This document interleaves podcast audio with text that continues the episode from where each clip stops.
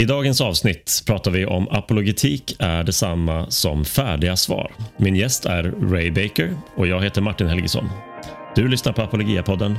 Nu kör vi!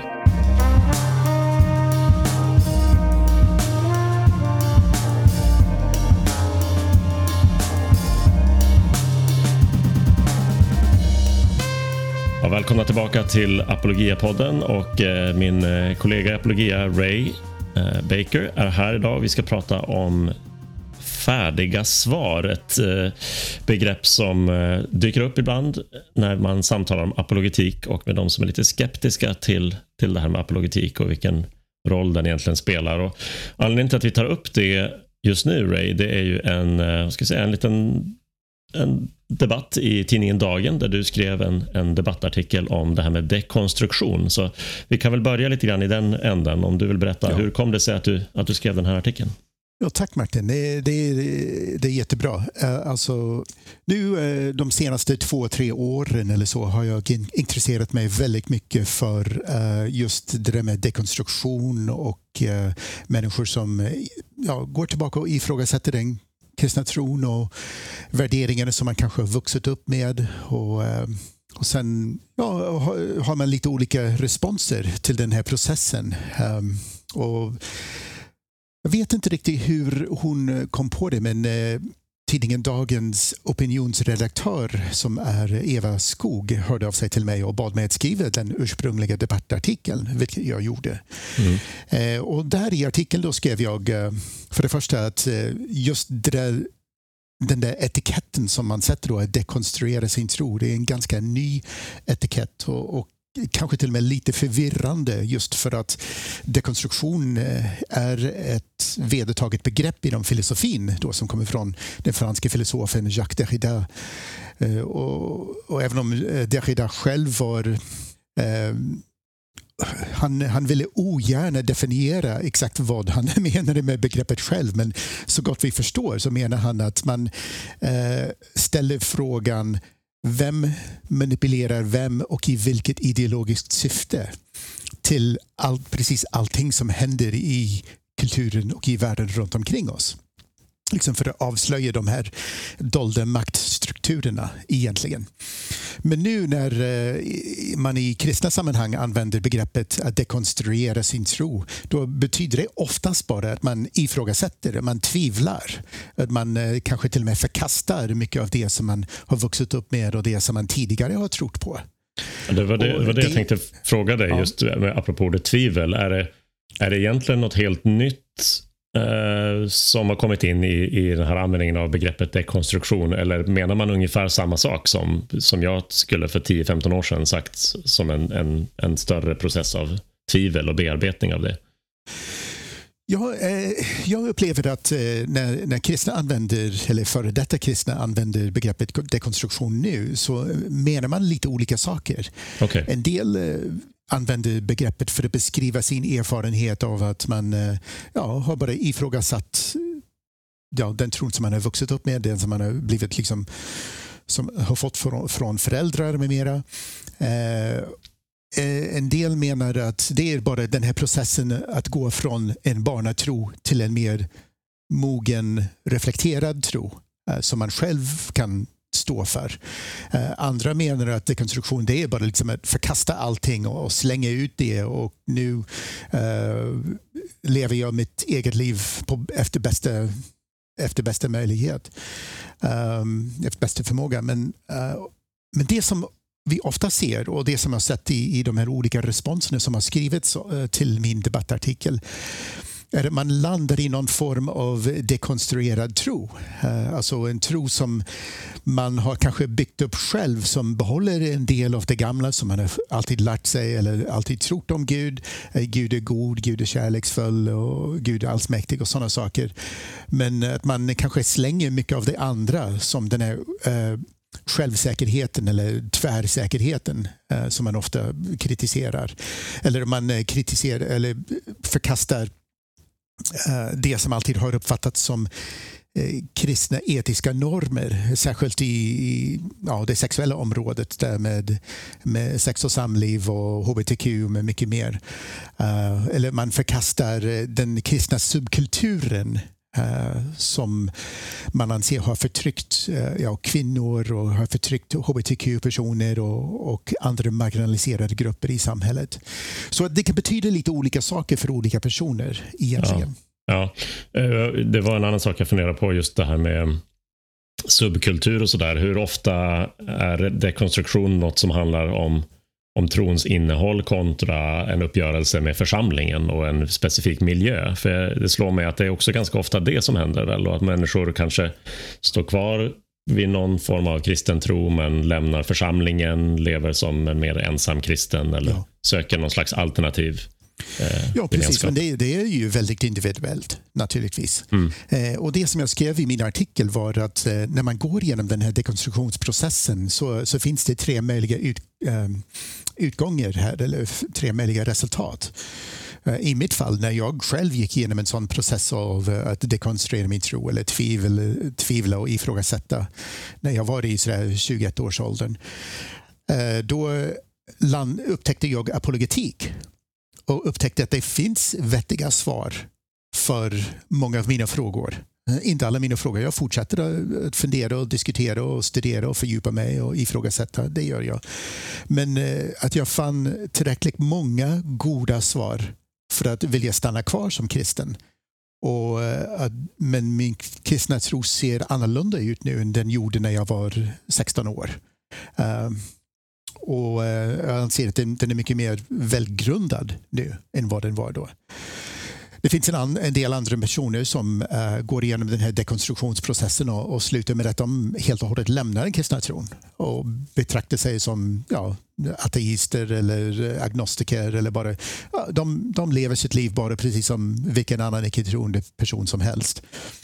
Och Det finns några stora ja, tidigare kristna profiler som har gjort precis den resan. Eh, precis. Flera inom eh, kristna popmusiken i USA och vi har ju eh, Joshua Harris som var sinnebilden för amerikansk purity culture i början på 90-talet. Skrev den här boken I kissed dating goodbye. Och han var pastor och allt och helt lämnat sin tro och bett om ursäkt för all skada som han har orsakat med mera. Och sen är det pastor, eh, pastor John Piper, hans son Abraham Piper har också en, eh, är också en profil på eh, TikTok och andra sociala medier där han eh, ja, nästan förlöjligar sig över den kristna tron som han är uppvuxen med. Men han ser att eh, det är många fler personer som går igenom den här dekonstruktionsprocessen och landar i det som vi skulle kunna kalla med ett paraplybegrepp som progressiv kristen tro där man eh, vill behålla vissa delar av den, den gamla kristna tron som man eh, har vuxit upp med och förkastar andra delar.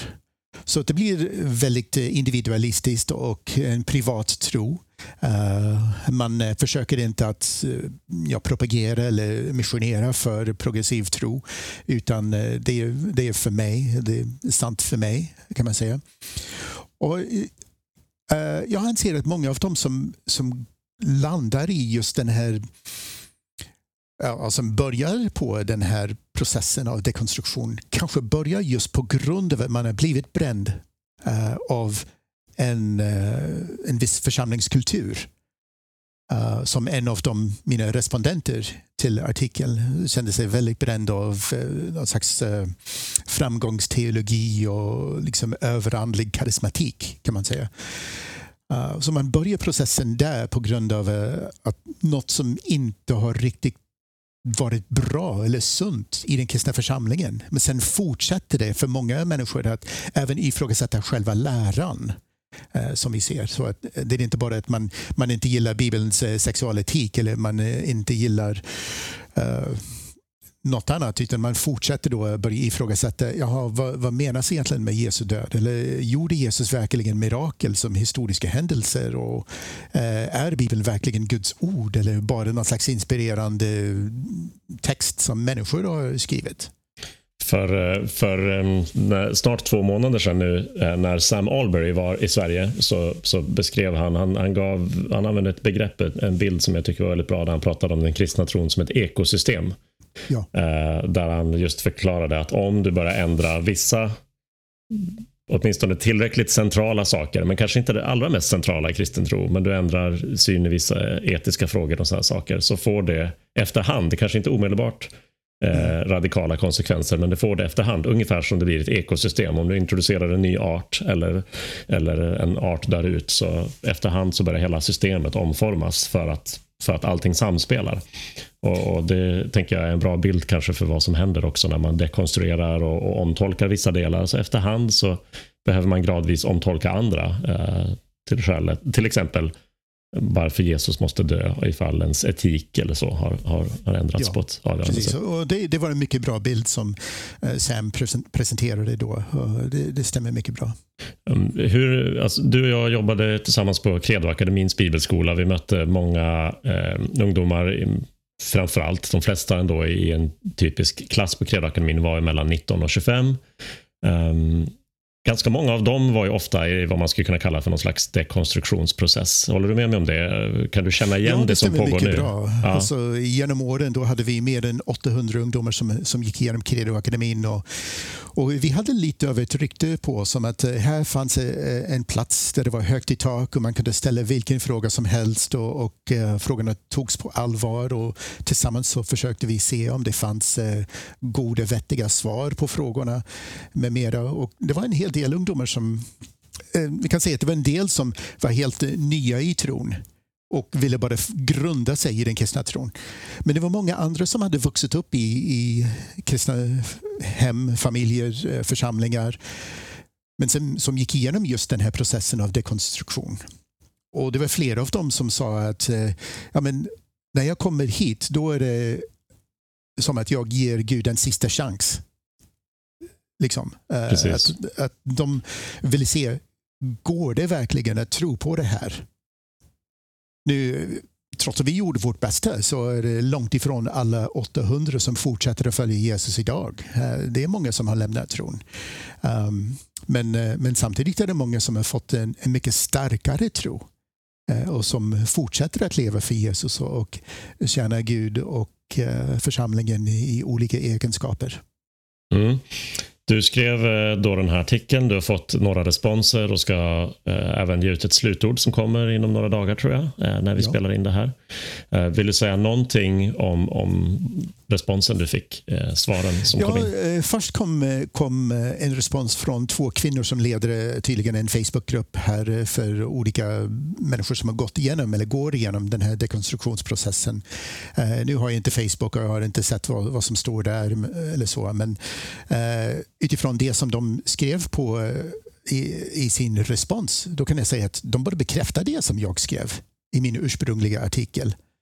Eh, de bekräftar då att när man går igenom den här processen så finns det tre möjliga eh, resultat. Då. Antingen en mer genomtänkt, välgrundad tro som då med hjälp av apologetik.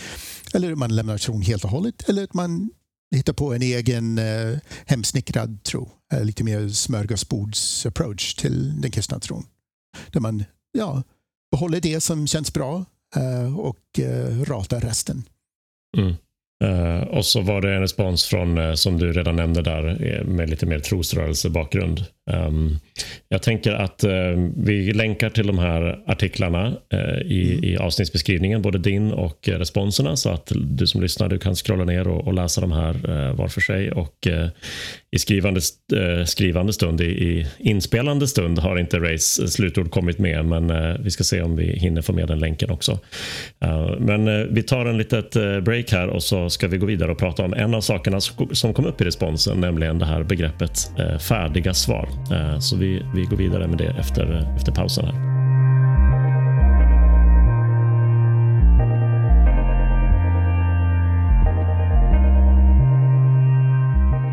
Ja, men då vill jag att vi också ska diskutera det här med, med färdiga svar, Ray. Det fanns med, eh, det är ett citat eh, om man vill, om man vill kalla det ett begrepp som fanns med i, i ett av svaren du fick på din debattartikel och det är inte direkt första gången som man stöter på det när man pratar om apologetik, om vikten av att eh, tänka igenom sin tro och faktiskt söka svar på frågorna. Men så lägger då en del människor som är lite kritiska eller skeptiska till apologetik, de lägger till det lilla ordet färdiga för ett svar.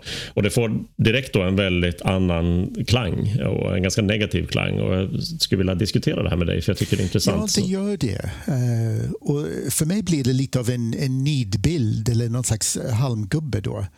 Att, uh, man, alltså jag, jag, jag tänker tillbaka när jag var litet barn. Eh, och i, till, till exempel i söndagsskolans eh, julavslutning, då skulle vi lära oss eh, en dikt eller någonting. Och jag lärde mig alla de här orden utan till utan att egentligen förstå vad det betydde. Och så. Och eh, nu är jag inte uppvuxen i en tradition när vi har katekesen eller så, men eh, jag tror att det är lite grann samma sak där med de som växer upp med katekesen och, och lär sig färdiga svar eh, utan till utan att riktigt förstå. Och det känns lite som att eh, mina respondenter, det är det som de anklagar mig för att jag ska bara komma med färdiga svar som människor ska bara lära sig, rabbla upp och, och sen eh, räcker det. Uh. Ja, precis, jag undrar vad du tror. Har du någon uh, tanke om var den här bilden av apologetik kommer ifrån och hur väl den stämmer överens med vad ska vi säga, ja, apologetik det, i allmänhet? Det kanske är just för att många av oss som, som håller på med apologetik, vi är ganska självsäkra nu i, i en del av de här frågorna som som vi har reflekterat över och sånt. Men vi är självsäkra, inte eh, som eh, tycker jag personbrist eller personlighetsbrist utan just på grund av att vi har gjort det svåra arbetet av att ifrågasätta, tänka, reflektera, studera, fördjupa oss och har kommit fram till ja men här finns ett svar som, som håller. Här finns ett svar som är rimligt. Eh, och som är försvarbart. Och därför kan vi vara säkra på, på våra svar på åtminstone vissa grundläggande frågor kring den kristna tron. Och det vill inte säga att vi, vi har samma grad av säkerhet eller eh, ja, eh, vi är inte lika färdiga med alla våra svar på alla våra frågor. Nej, men jag funderar på det här med apologetik och, och färdiga svar. Om man behöver skilja på så att säga, apologetiken som process och apologetikens resultat eller vad den mynnar ut i. Alltså, eh, det finns ett antal slutsatser och svar som man kanske söker efter och strävar efter och har man då hållit på med apologetik, man har det som sin Eh, sitt kall eller ett stort intresse bara. Eh, många kan vara intresserade av apologetik i många år utan att som oss arbeta med det.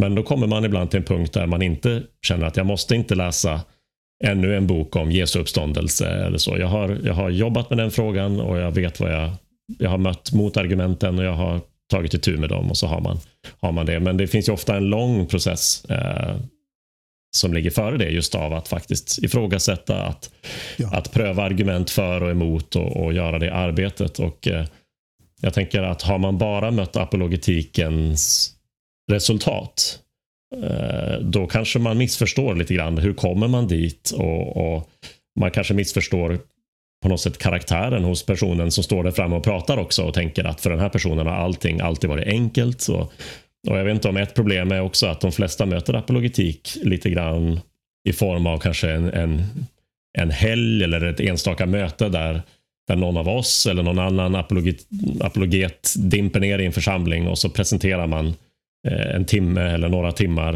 Eh, på något sätt ett ganska färdigt paket med saker. Och så, och så, missar man och så får man inte ett sammanhang där man kontinuerligt tar upp frågorna. Om församlingen inte så att säga jobbar med att kontinuerligt ha det vi kallar för apologetisk kultur, alltså där alla frågor är välkomna.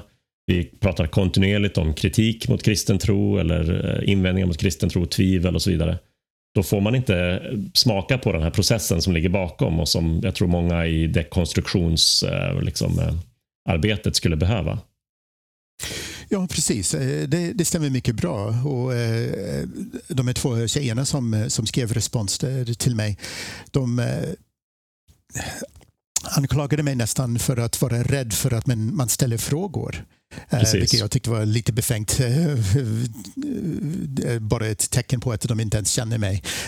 Men, eh, för att eh, det var precis det som vi alltid gjorde på Credo-akademin. Varje fredag hade vi öppet forum där man kunde ställa vilken fråga som helst. Eh, och även eh, nu, även i fortsättningen när jag går ut och besöker olika församlingar eller bibelskolor.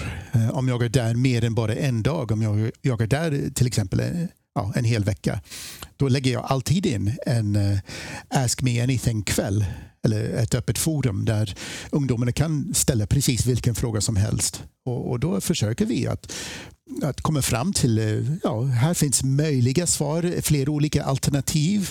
Eh, men för mig, jag anser att det här svaret är kanske det rimligaste svaret eh, med mera. Men ja, man, och, och mycket av de mina respondenters frågor kanske kommer från en viss personlig erfarenhet av den kristna subkulturen där det inte fanns plats för dem att ställa frågor när de växte upp och hade frågor och att man kanske fick en liten klapp på huvudet och där ungdomsledaren eller pastorn sa ja, men du måste bara be mer eller du måste bara ha mer tro eller liknande.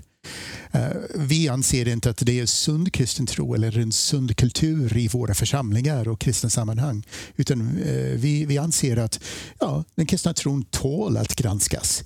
Eh, tål att ifrågasättas, eh, tål att fundera på. Ja, jag kommer att tänka på ett kort samtal jag hade här bara för någon vecka sedan när jag var på bibelfestivalen som flera bibelskolor inom EFK har tillsammans i, i Örebro och efter ett seminarium i apologetik. och det var jag hade det seminariet precis när den här debatten pågår i tidningarna. Det var ett seminarium där jag tar upp massa olika apologetikfrågor som ett sätt att bara ge lite smakprov. Så jag ville verkligen vara så extra noggrann med att säga apologetik betyder inte att allting går så här snabbt eller att man bara är färdiga svar. Nu ger jag er bara lite smakprov. Det viktiga är processen och att, att börja liksom tänka kring de här frågorna. Um, för, jag, för jag vill verkligen inte medverka till bilden av, av det här med färdiga enkla svar. Men så var det en person som stannade kvar efteråt och frågade mig om en apologet eller någon som håller på med apologetik mycket själv har tvivel ibland.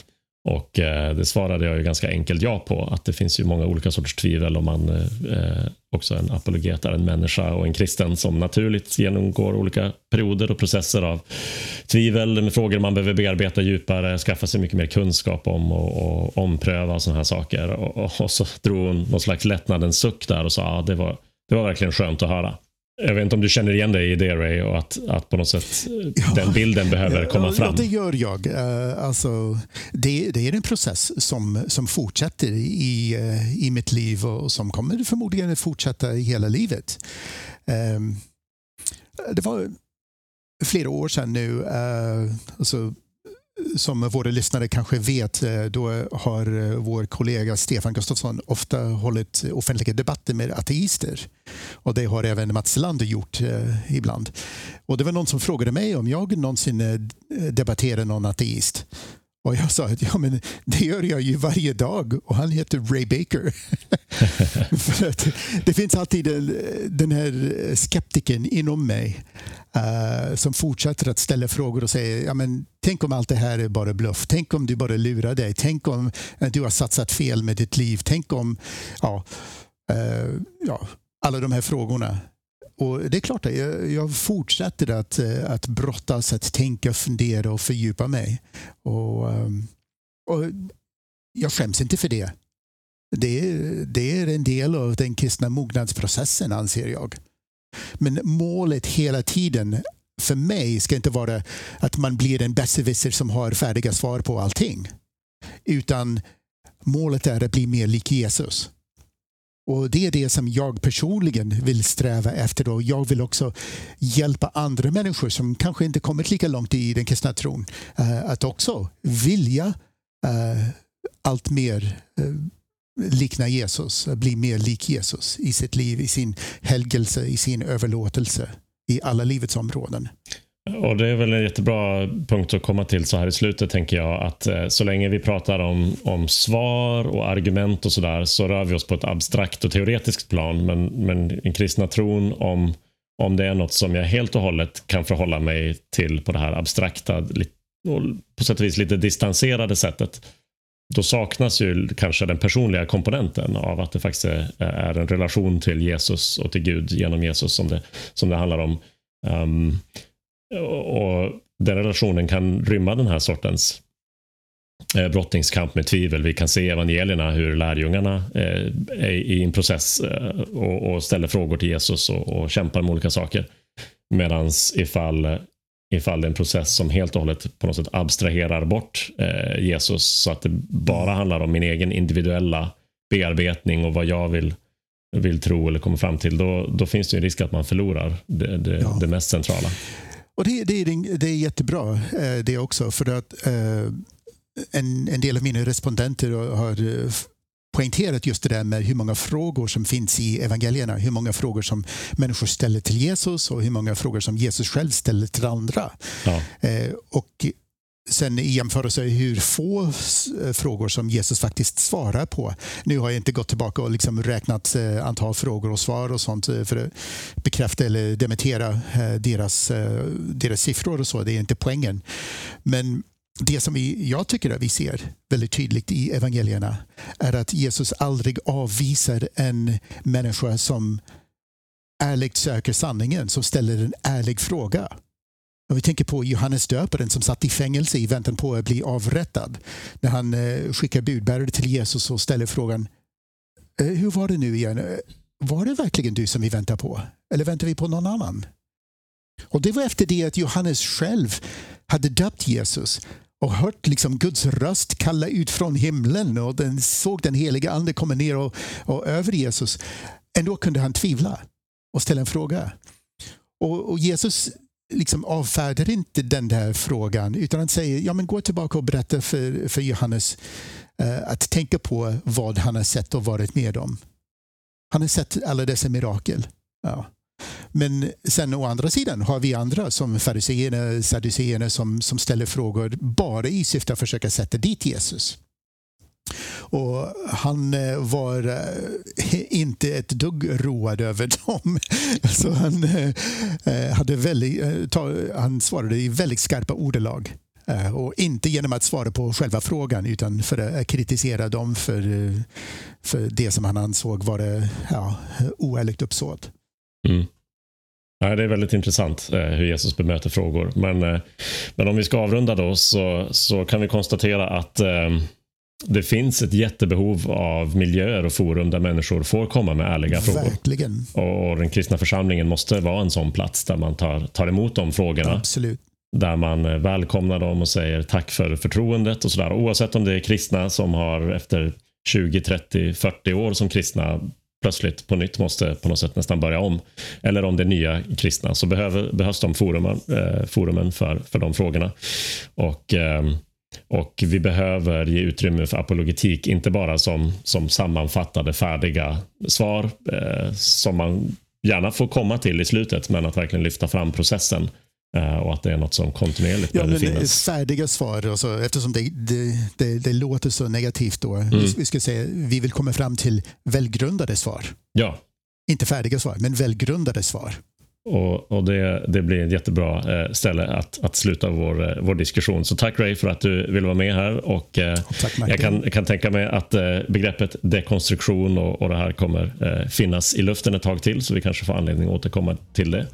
Du som har lyssnat får gärna skicka in reaktioner, följdfrågor, synpunkter till podd apologia.se. Podd med två stycken D apologia.se så tar vi gärna upp det i kommande samtal. Eh, så tack igen för att du kom Ray och tack för att du har lyssnat. Vi hörs igen nästa gång på Apologia-podden.